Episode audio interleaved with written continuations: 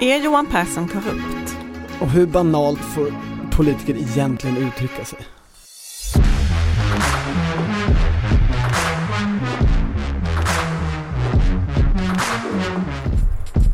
Det här är Politiken med Maggie Strömberg och Torbjörn Nilsson. I den andra eh, tidningen, Dagens Nyheter, så eh, publicerades en Ipsos-mätning igår kväll. Ja. Centerpartiet fick 5% en halvering från en bra notering som de hade för ett år sedan. ja, det kanske ska sägas att det var en bra notering. Ja, men det här var också sämsta siffran på sju år. Ja, Man älskar ju um, opinionsinstitutsmänniskorna för de tar alltid fram sånt. Det här är det sämsta sen X eller det bästa sen Y för att de vet att då kan vi rubba på det. Men ehm, just Ipsos har ju Niklas Källebring och han har ju eh, en, en liksom enormt lång katalog av gamla mätningar som han jämför med och Mm. analyserar Mm. utifrån. och så. har alla. Det har alla. Det är så de jobbar. I alla fall, det är inte de vi ska prata om utan vi ska prata om Centerpartiet.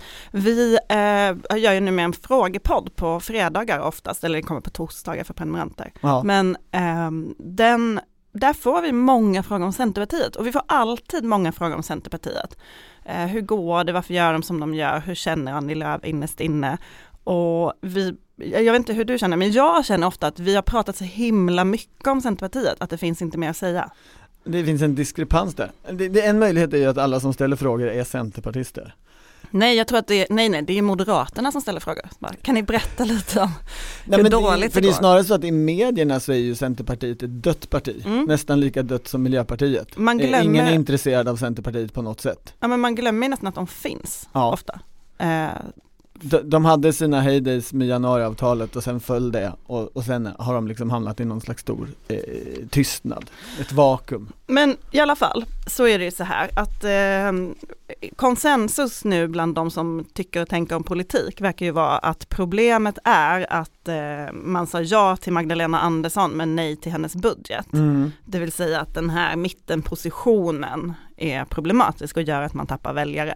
Eller mittenpositionen eller in, liksom, inte välja någonting positionen som Det som har just nu. hände förra hösten, Ja, eller i precis. höstas. Eh, och då vann ju oppositionens budget. Eh, Men vad då du menar att det inte är så?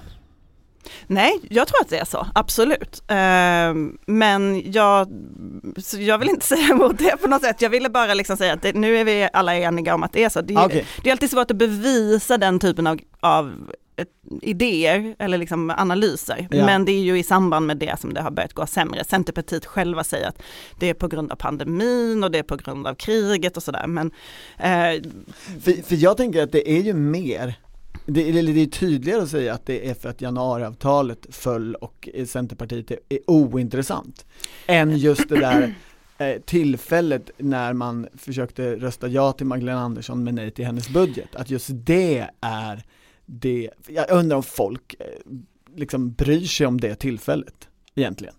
Jag Att tänker att folk inte- inte ser Centerpartiet så enkelt. Ja, kanske, men att man inte riktigt vet vilket lag man röstar på om man röstar på Centerpartiet. Det tror jag ändå spelar in. Sen är det klart att mycket av Centerpartiets politik följer också, alltså mycket av det som de vill göra. Ja. Januariavtalet blir ju inte av. Ehm, nej men Annie Lööf har ju ägnat sig sedan förra valet åt att försöka förklara att hon inte behöver välja sida, utan att det finns en tredje sida som är den breda mitten. Ja, Och ingen har ju trott på henne. mm, få har gjort det. Eh, I hennes eget parti har de ju gjort det, men de känns ju som att de börjar svikta lite nu. Men Mm. i Jenny Madestams bok, den här eh, Maktens kvinnor som vi pratade om här om veckan, där pratar Annie Lööf om det. Och jag tyckte att det var, det säger mycket om Annie Lööf, tänker jag. Ehm, Du vill läsa lite? jag tänkte jag skulle Mm. ha lite högläsning. Hon säger att det var väldigt jobbigt under januariavtalsförhandlingarna, att hon arbetade dag och natt för att få till en lösning. Det har ju alla hört henne säga. Hon var nästan aldrig hemma.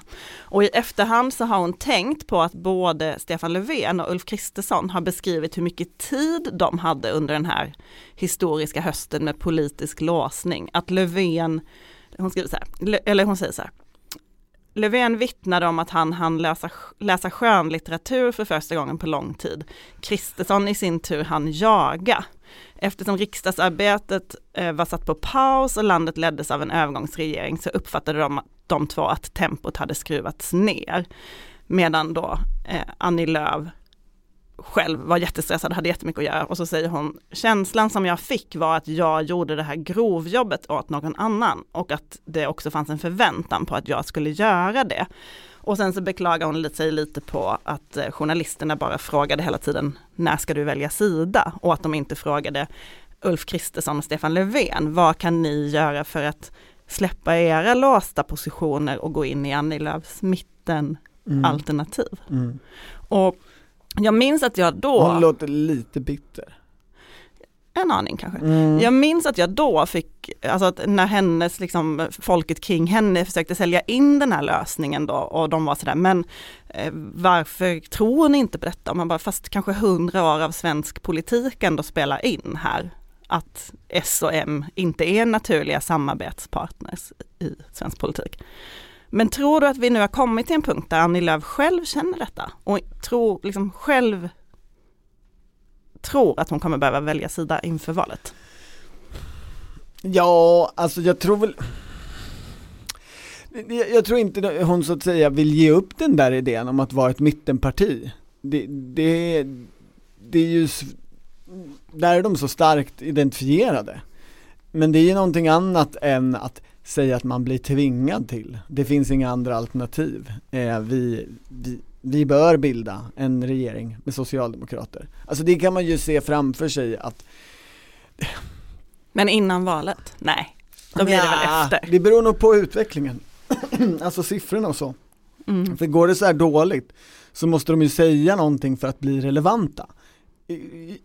Min grundanalys av situationen skulle vara, de är irrelevanta ingen bryr sig om dem. För eh, de har haft en mandatperiod där de har stått i händelsernas centrum och varit relevanta. För, många har ju tvivlat på att det går att, att tänka som Annie Lööf tänker att den där breda mitten finns och så vidare. Men de har ju haft ett budskap och i varje regeringskris, och det har ju varit några stycken, så har de varit central aktör och de har kunnat skjuta fram politiska krav som, som alla börjat diskutera. Som de dock inte får igenom Nej, sen. nej, men, men det, alltså nu pratar vi om opinionssiffror, de, de kommer ju inte för att man får igenom saker utan för att folk hör att parti X vill någonting och det kanske jag kan gilla och därför så säger jag att när de ringer från, från eh, Ipsos att eh, eh jag gillar det här partiet, jag sympatiserar med dem. Så det är ju irrelevansen och trillar de nu ner mot 4% spärr då är ju, eller bara på siffror ner mot, ner mot fem som här i fler mätningar, då, då måste de ju agera och göra någonting för att, för att göra sig relevanta igen. Och då skulle ju en sån sak kunna vara det, att säga, eh, att vara tydligare i regeringsfrågan. I förra valet blev de ju jämnstora med Vänsterpartiet som de ju sen ville hålla utanför inflytande. Nu är ju Vänsterpartiet nästan dubbelt så stort som Centerpartiet. Det är ju det är 5 procent är ju inte jättemycket värt för Magdalena Andersson kanske. Alltså det är klart, det kan ju vara det som avgör allt. Men, men tittar man på den här jämförelsen som, som fanns här med för ett år sedan i, i Ipsos-mätningarna så har ju också Vänsterpartiet sjunkit. Och, och då är det ju snarare så att, att vi har en situation som på den sidan av politiken, om man, eh, om man tillåter det uttrycket, Eh, liknar den som fanns i, i gamla borgerliga alliansen runt 2009, 2010. Alltså att När Fredrik Reinfeldt åt upp det stora partiet äter ju upp alla småpartierna. Magdalena Andersson äter ju upp Miljöpartiet, Centerpartiet och även Vänsterpartiet. Även om de har ganska fina siffror för att vara Vänsterpartiet så är det långt ifrån eh, Dadgostars mål. Utan den stora trenden här är ju den socialdemokratiska framgången. Ja, och det är ju framförallt Socialdemokraterna som Centerpartiet tappar till, mm. men de tappar till nästan alla partier. Och det är ju, man såg ju i partiledardebatten i Agenda senast att Annie Lööf ändå försöker fortsätta köra på strategin eh, Sverigedemokraterna är farliga för landet som, som någon slags sätt att profilera sig. Ja. Och det men det tycker de ju, så det, var, hon, det skulle vara konstigt om hon inte sa det. Jo men är det rätt strategi för att växa framåt? Funkar det ett val till?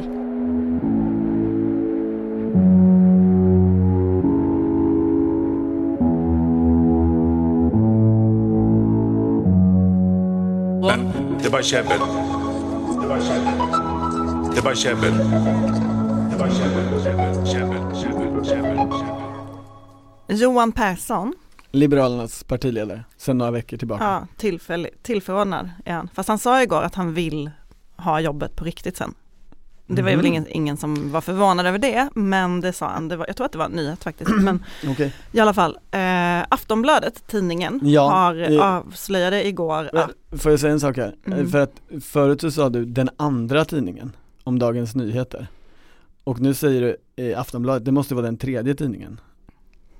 Ja, alltså det beror på om man, om man går efter storlek är väl Aftonbladet den första tidningen. Okej, Men ehm, jag tänkte på det för att det finns ju fler tidningar än två. Men Aftonbladet i jag alla vet, fall. men jag gillar att kalla DN för den an, andra tidningen för att det gör något med deras självbild känner jag. Alltså det, Är det eftersom DN ändå har strategin att vara den enda tidningen Ja, så tycker jag Ja. att det är kul att kalla den för den, alltså ja, jag förstår. Det är lite som, det är ditt Jan Guillou grej, alltså malligaste mor- malliga morgontidningen. Precis. men Men, då har- gör jag det på ett, från ett underdog-sätt med tycker jag. Än vad Jan Guillou gör. Ja, oklart. Jan Jag- Guillou tycker väl att han alltid är en underdog, men i Aftonbladet var det du skulle prata om. Exakt. Mm. Tidningen några trappor upp i det här huset, Ja. Aftonbladet. Mm. Den, eh, där, de skrev igår om Johan Persson. Ja. Förlåt, jag kände att jag tappar fokus här. Men, eh, och kunde där avslöja att Johan Persson har ekonomiska intressen i ett företag som också äger ett företag som hyr ut ordningsvakter. Samtidigt som Liberalerna driver en politik för att ha fler ordningsvakter, alltså att kommuner och andra ska kunna hyra in fler ordningsvakter.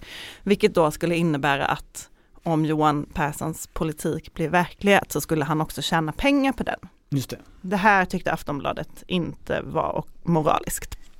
Eh, eller jag vet inte om de själva tyckte det, men det var undertonen i detta. Eh, och sen eh, ville inte Johan Persson svara på frågor för han hade inte tid, han är så upptagen med att åka runt och knacka dörr, men han var i alla fall på riksdagsjournalisterna igår och Ja. då kom Olof Svensson och Mattias Sandberg, reportrarna dit och ställde frågor. Eh, Och Johan Persson tyckte, såg inga problem med det här överhuvudtaget och eh, han sa att eh, han driver ju också på för att det ska finnas mer, fler poliser och att brottsligheten ska minska och då skulle man kunna säga att han förlorar pengar i sådana fall.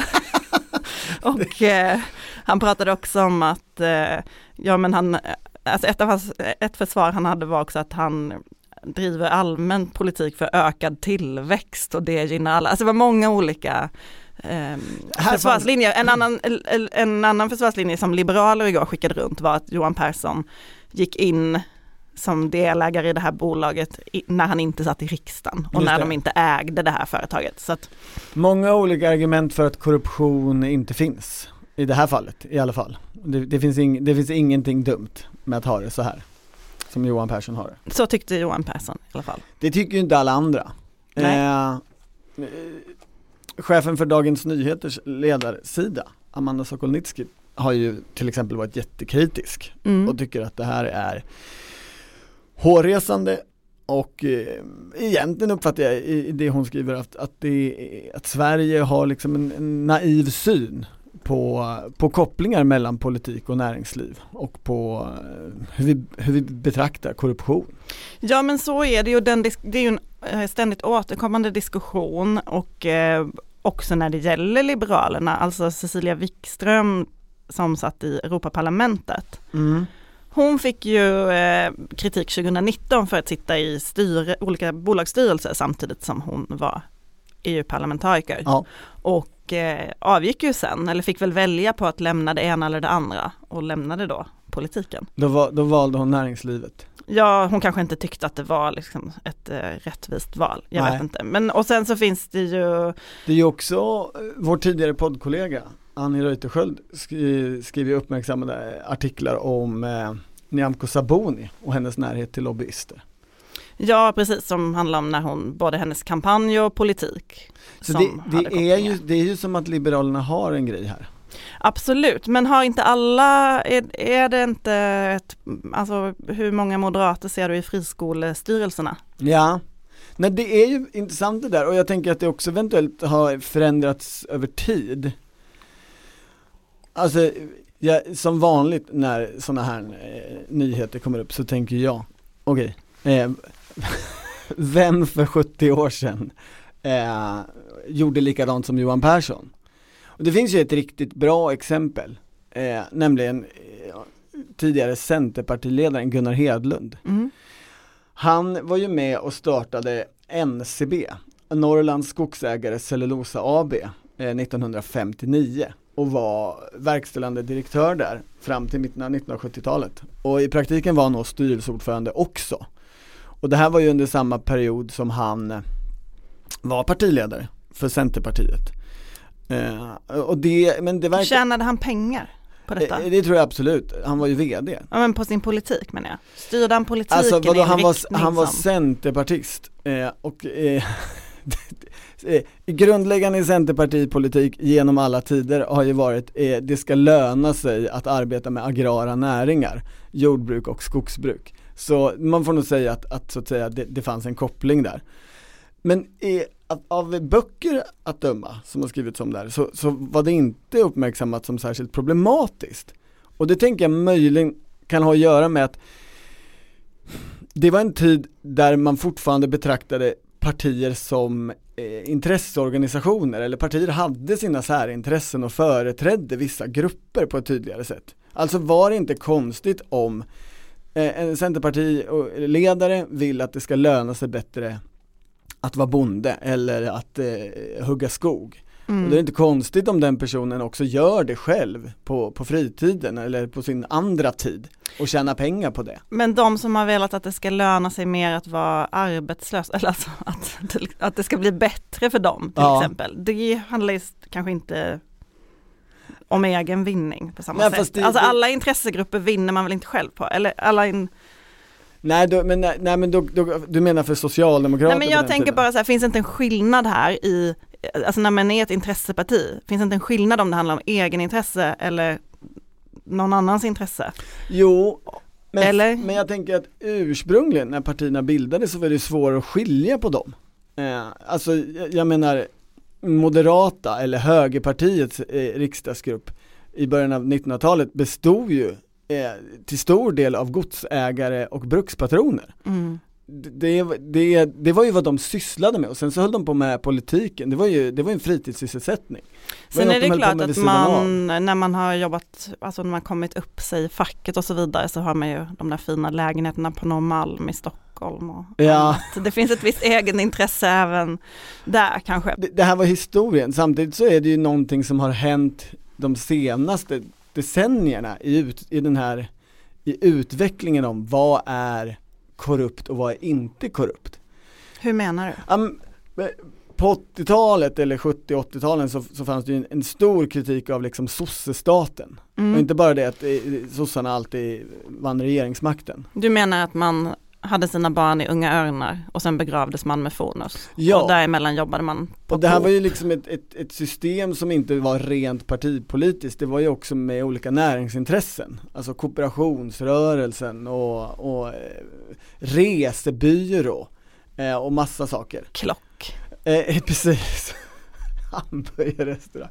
Ja, eh, och då fanns det en kritik av att eh, liksom de, den här rörelsen tar så mycket plats och energi i samhället. Alltså, och här ger de varandra jobb och eh, rörelsen tar alltid hand om den egna och det blir till slut eh, eh, liksom särintressen. Och, det är det som är, tänker du då, friskolelobbyn, alltså KREAB är nya sossestaten. Ja. Är det så du tänker? Ja, ja men alltså det är ju svårt att inte se det så. Det som har växt fram är ju ett helt liksom PR-byråsamhälle sen, det, sen 70-talet och framförallt sen 90-talet och framåt. Det har ju vuxit fram i, tillsammans med privatiseringar av olika slag och ett antal i, liksom, bolag som har startat för att driva olika verksamheter som kommuner och ja, det offentliga har drivit tidigare. Mm. Och så finns liksom PR-byråerna eh, och tankesmedjorna där som, som delar utav samma nätverk.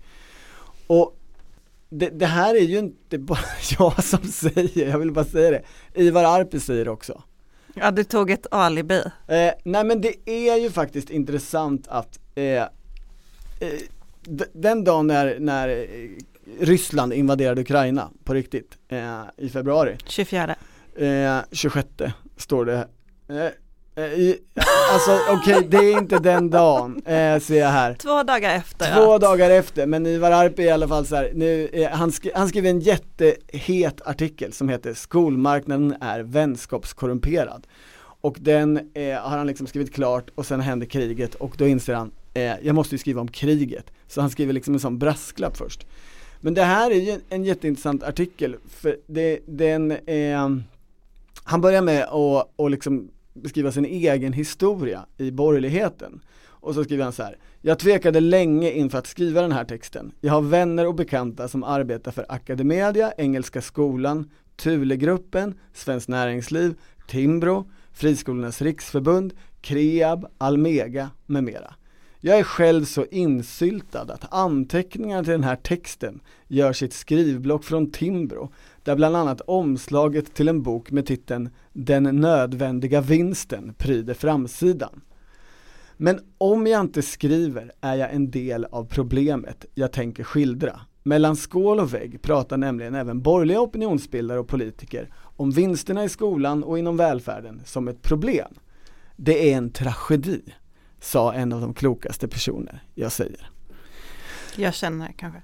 Jag känner, förlåt, jag kan inte läsa på slutet. Ivar Arpi pekar ju här på någonting som har vuxit fram. Alltså ett, ett nätverk, en, en, en, en liksom rörelse där det är säkert för en medarbetare på Moderaterna eller Liberalerna att, ja men slutar man i riksdagen eller går det dåligt eller en riksdagsledamot, då fångas man upp. Det finns en massa arbetsgivare som ofta då är kopplade till den här skattefinansierade verksamheten Och så säger man så här, jag vill göra någonting utanför politiken, jag behöver se lite av verkligheten, så går man dit. Ja det är som när Benjamin Dosa lämnade politiken och blev chef på Timbro. Men jag måste ändå fråga här nu, Ja, om man brinner för friskolor, man tycker friskolor är det bästa som har hänt Sverige. Man har ångest över sin egen uppväxt i DDR-skolan och Ja. man vill ha eh, marknadsskolan, Mm. tycker man är en bra sak. Eller man använder ju inte det ordet. valfrihetsskolan vill man ha. Okej, Mm. men i alla fall. Och då jobbar man för det politiskt ett tag i ett parti Ja. och sen så går man och jobbar för det i ett friskolebolag eller i Friskolornas riksförbund eller på Timbro eller på Kreab eller på New Public Affairs heter det så. Ehm, Någon byrå. Ja men alltså Mm. jag menar, det finns också andra. Va, eh, är, är det så förkastligt då? Om det är någonting man verkligen tror på och så jobbar man på det på lite olika plan i samhället. Nej men det är ju den oftast journalistiskt i alla fall svåraste eh, grejen med hela korruptionsproblematiken. Vad är korrupt? Alltså det är ju inte så konstigt då att en sån person, all, det, det är ju ingenting konstigt som den gör när den fortsätter säga samma budskap eller driva samma politik eller ha en arbeta för, för en, en utveckling i samma riktning. Eh, eh, utan i grundidén med korruption är väl ändå att eh, du blir köpt och eh, jag köper dina åsikter. Genom pengar som jag betalar dig så ändrar du åsikt eller Men det, för, driver någonting som du egentligen inte tycker. men det som Ivar Arpi säger här är ju den sekunden man börjar känna så här, de där tankesmedjan Balans på Twitter kanske har lite rätt ändå. Och jag eh, känner kanske att det här friskolesystemet inte är så jättebra som jag Mm. först trodde.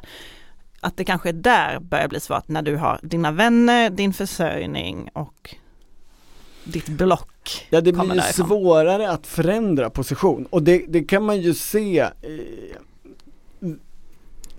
det, är ju, det var ju länge sedan vi skrev en artikel om de borgerliga ungdomsförbunden där det i alla ungdomsförbund fanns ändå en växande kritik mot hur skolan fungerar. Och till vissa delar i, i linje med en, med en gammal vänsterkritik. Men det har ju inte hänt så mycket med det. Alltså det är väl två år sedan vi skrev den här artikeln. Jag minns inte, det var, jo det var vintern 19 tror jag, det var i Expressen. Men ehm, jag tänkte på en sak när jag hörde dig läsa upp ur Ivar Arpi, att jag är så glad att journalistiken inte ingår där. Alltså i vissa länder är det ju mindre kontroversiellt att gå mellan journalistik, politik. Jag minns, minns när vi var på studiebesök på Economist så satt det så här Mm. på någon anslagstavla så bara den här personen är nu borta i ett halvår för den ska jobba lite på number 10 och sen kommer den tillbaka. Och jag var helt chockad. Men, eh, men, Ja. men liksom det finns ju länder där det är, Är det poli- politik och journalistik är mycket närmare varandra. Ja, ja. Tänk om vi också skulle ingå i den där. Det skulle vara fruktansvärt. Framförallt så skulle det vara fruktansvärt att jobba i regeringskansliet. Om det är det som ingår i, i uppsättningen av idén här. På tal om vinst i välfärden Ja. så sa ju Johan Persson någonting annat på riksdagsjournalisterna igår än att han gärna vill sitta kvar som partiledare. Vad sa han? Nej, men han sa att det kommer förslag från Liberalerna, han har ju signalerat det lite tidigare också, och som handlar om vinstbegränsning i skolan. Eh, och han berättade, för att han har ju lite skiftat ton där från hur Nyamko Sabuni uttryckte sig. Man trodde ju att Liberalerna på, var på väg att göra en omsvängning. När Alltså det gäller, i mer, i mer friskolekritisk riktning. ja eller vinstkritisk Mm, riktning. mm. Eh, inte kanske friskolekritisk, har men just systemet strama upp och Ja, att se ja. vinsterna som ett problem. Och sen så gjorde hon aldrig riktigt det, utan hon backade tillbaka lite grann i uttalanden, men Mm. nu har han då gått en, liksom, fortsatt på det första spåret. Och då sa han att han har ju bett om det mandatet i partiet och fått det. Han har sagt att han, det är han personligen som har sagt det här vill jag göra. Så här ser man en förändring. Alltså tidigare så sades ju alla att skiftet mellan Saboni och Johan Persson är bara ett personskifte. Det blir inget politikskifte. De står för samma saker, Mm. samma linje. Men Johan Persson har ju, det talas ju om att han har lyckats ena sitt parti och det här är väl en av de sakerna han gör. Den andra är väl att han så mycket, du ser skeptisk ut. Ja, nej men jag, jag, jag, jag tänker på en, eh, han, han fick ju följdfrågor där på riksdagsjournalisten också. Alltså han fick en följdfråga som handlade om, eh, vill du genomdriva den här vinstregleringsförslaget med andra partier än eh, Moderaterna och Kristdemokraterna Mm. och Sverigedemokraterna? Och då svarade han ju att eh, sitter jag, i, jag vill sitta i regering och då måste jag driva regeringens politik. Ja, Och Moderaterna vill ju inte göra och vad det. han egentligen sa var ju då, det här förslaget eh, har ju noll utsikter att bli verklighet med den eh, policy och idé vi har i regeringsfrågan. Så Han, det här är ju, han, mm, ja, hans, man, man lyssnar olika kanske. Han sa ju också att det sker förändringar i andra partier, att det kanske kan hända någonting. Men alltså, det viktiga här är väl, Johan Persson vill dra mittenväljare ja, och det här är ju en fråga som är viktig. För alltså, det här är en fråga där opinionen och de borgerliga partierna inte följs åt. Det finns en mycket mer utpräglad friskolekritik bland borgerliga väljare än vad, vad som syns i de borgerliga partierna. absolut. Och det är de som Liberalerna nu tänker sig att de ska fånga upp. Men är inte det där väldigt smart av honom? Jo men alltså som jag sa, det här med att det sägs att Johan Persson har enat sitt parti och även de som var Sabuni-motståndare är för honom. Det här är ju en sak som han har gjort. Och en annan är ju det här med att han signalerar någon slags social-liberal kärna när han hela tiden pratar om det förebyggande när det gäller brott. Och det tycker ju han att han har råd med för att han ses av de som känner honom, känner igen honom. Det är Ja. inte så många av svenska folket men alltså i politiken har han ju en stämpel av att vara en riktig batongliberal, Ja, eh, en kravliberal. Då tycker han sig ha, då är han så här, alla vet ju att jag vill låsa in folk på livstid, men jag vill också göra det här förebyggande. Och så får han med sig stora delar av partiet. jo men det verkar ju klokt, men det, frågan är ju om det är någonting mer än retorik. Alltså om han, i, i, i, i det här med, med förebyggande i kriminaliteten som han var tidig med, det sa han ju, det var ju en av de första intervjuerna som partiledare som han liksom bara pumpade ut och lät, Mm. lät som den mjukaste liksom Birgitta Olsson-linjen i sådana frågor. Det, det, det, det kan jag inte diskutera för det vet jag inte vad det finns i sak. Men här, i den här vinstregleringen i skolan, då säger han ju uttryckligen, alltså hans resonemang lämnar ju faktiskt inte öppet för något annat än att vi kommer driva det här i valrörelsen och sen kommer det åka rakt ner i papperskorgen om vi har tur att uppnå vårt mål att få sitta i en borgerlig regering. Eller så säger han, Magdalena Andersson kommer ändå bli statsminister och då kommer jag vara med på hennes sådana här förslag. Fast han sa han ju nej till, han vill inte göra det med några andra partier. Nej, det sa han inte. Han sa ju om jag sitter i en regering som är mitt mål, då måste jag göra det som de gör. Ja men då sa han, han i sådana fall ska, ska han då göra ett nytt januari eller oktoberavtal om, om friskolorna.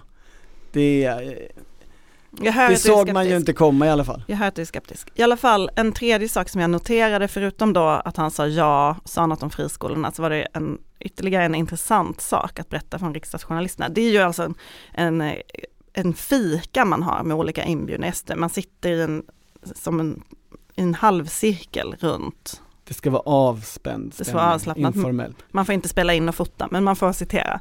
Får jag, får jag bara säga att jag var där för första gången på tror jag 15 år. Viktor Bart Kron var där för första gången någonsin. Han brukar aldrig gå. Var det hans premiär? Mm. Mhm. Han satt längst fram på den fina platsen. Men i alla fall, jag, det var inte det här jag skulle säga, utan att Johan Persson, eh, han körde sina skämt och sin liksom, eh, jargong som han håller på med, som ju har varit väldigt vinnande för honom. Eh, och han var så här, tycker du jag är kaxig nu? Han drog skämt om att han skulle få 15 procent fast han egentligen ville ha 50. Ja. Eh, och folk tyckte inte att det var så kul. Nej, det Alltså- var det ju inte heller. Nej men det landade inte så bra kände man i rummet. Nej. Skämten, det, folk skrattade inte, folk var lite så här, men skärp dig och svara seriöst på frågorna nu. Och det eh, kanske säger något om att den är lite kortvarig den där eh, Smekmånaden. strategin att liksom vara den charmiga, roliga.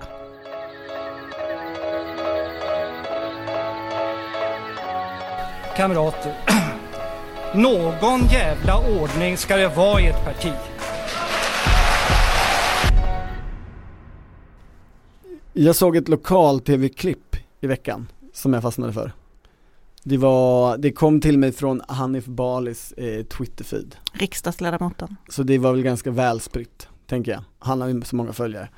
Eh, det var i upp, från Uppsala, eh, där Erik Pelling, den socialdemokratiska kommunalrådet, intervjuades först och sen eh, Therese Almefors, det moderata kommunalrådet. Vem vann den här duellen? Jag tror att spårvägen vann den här debellen och eh, debatten och en, att en utveckling av kollektivtrafiken är det som Uppsalaborna kommer att välja. Vem vann?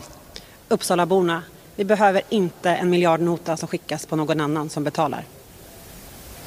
Får jag ta om den? För jag stakade mig Ah, Okej, vi, kör, vi kör. Vem vann den här duellen? Uppsalaborna och kollektivtrafiken. Eh, Nu snodde du ju hennes absolut, det replik. får man göra. Hanif skrev ju att eh, något om skamlösa sossar va? Sossar är verkligen ett helt skamlöst folk.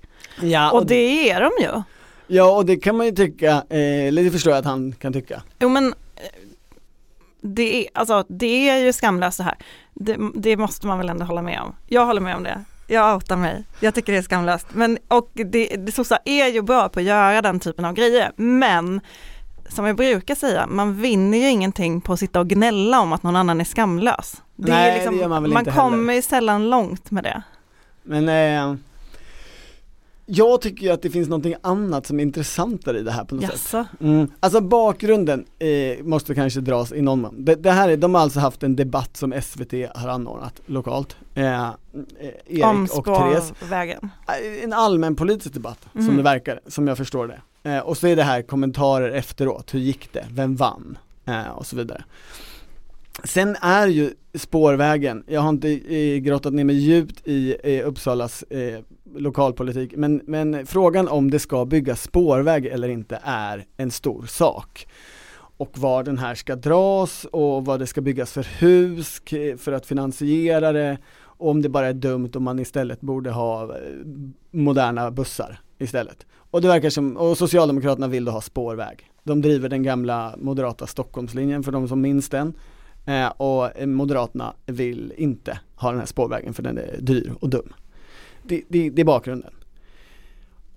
Och det lustiga här tycker jag är att Therese Almefors som säger, vem, som får frågan vem vann debatten? Då säger hon inte det var jag eller det var vår idé utan hon säger Uppsalaborna. Mm.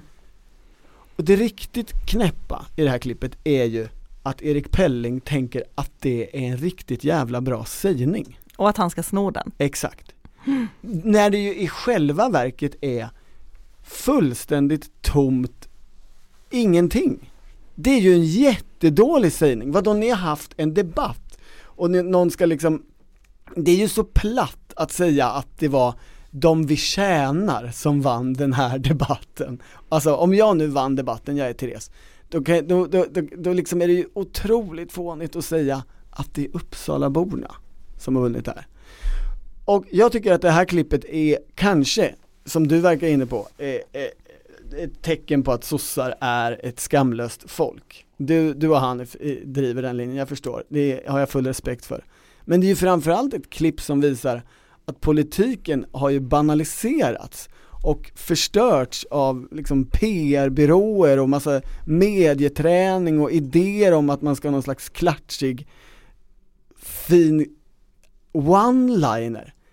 Vad skulle, vad skulle Tage Erlander ha svarat? Han skulle muttrat och sen skulle han berättat om hur dyrt det är att bygga den här spårvägen, för då skulle det vara ett nytt tillfälle att säga liksom sakargumentet.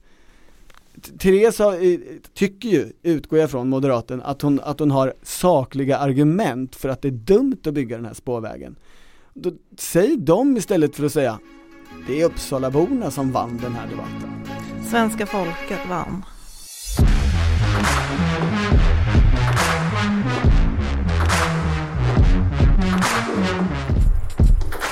Du har lyssnat på Politiken, en podd från Svenska Dagbladet. Producent var Martina Pierrot, ansvarig utgivare Anna Kareborg.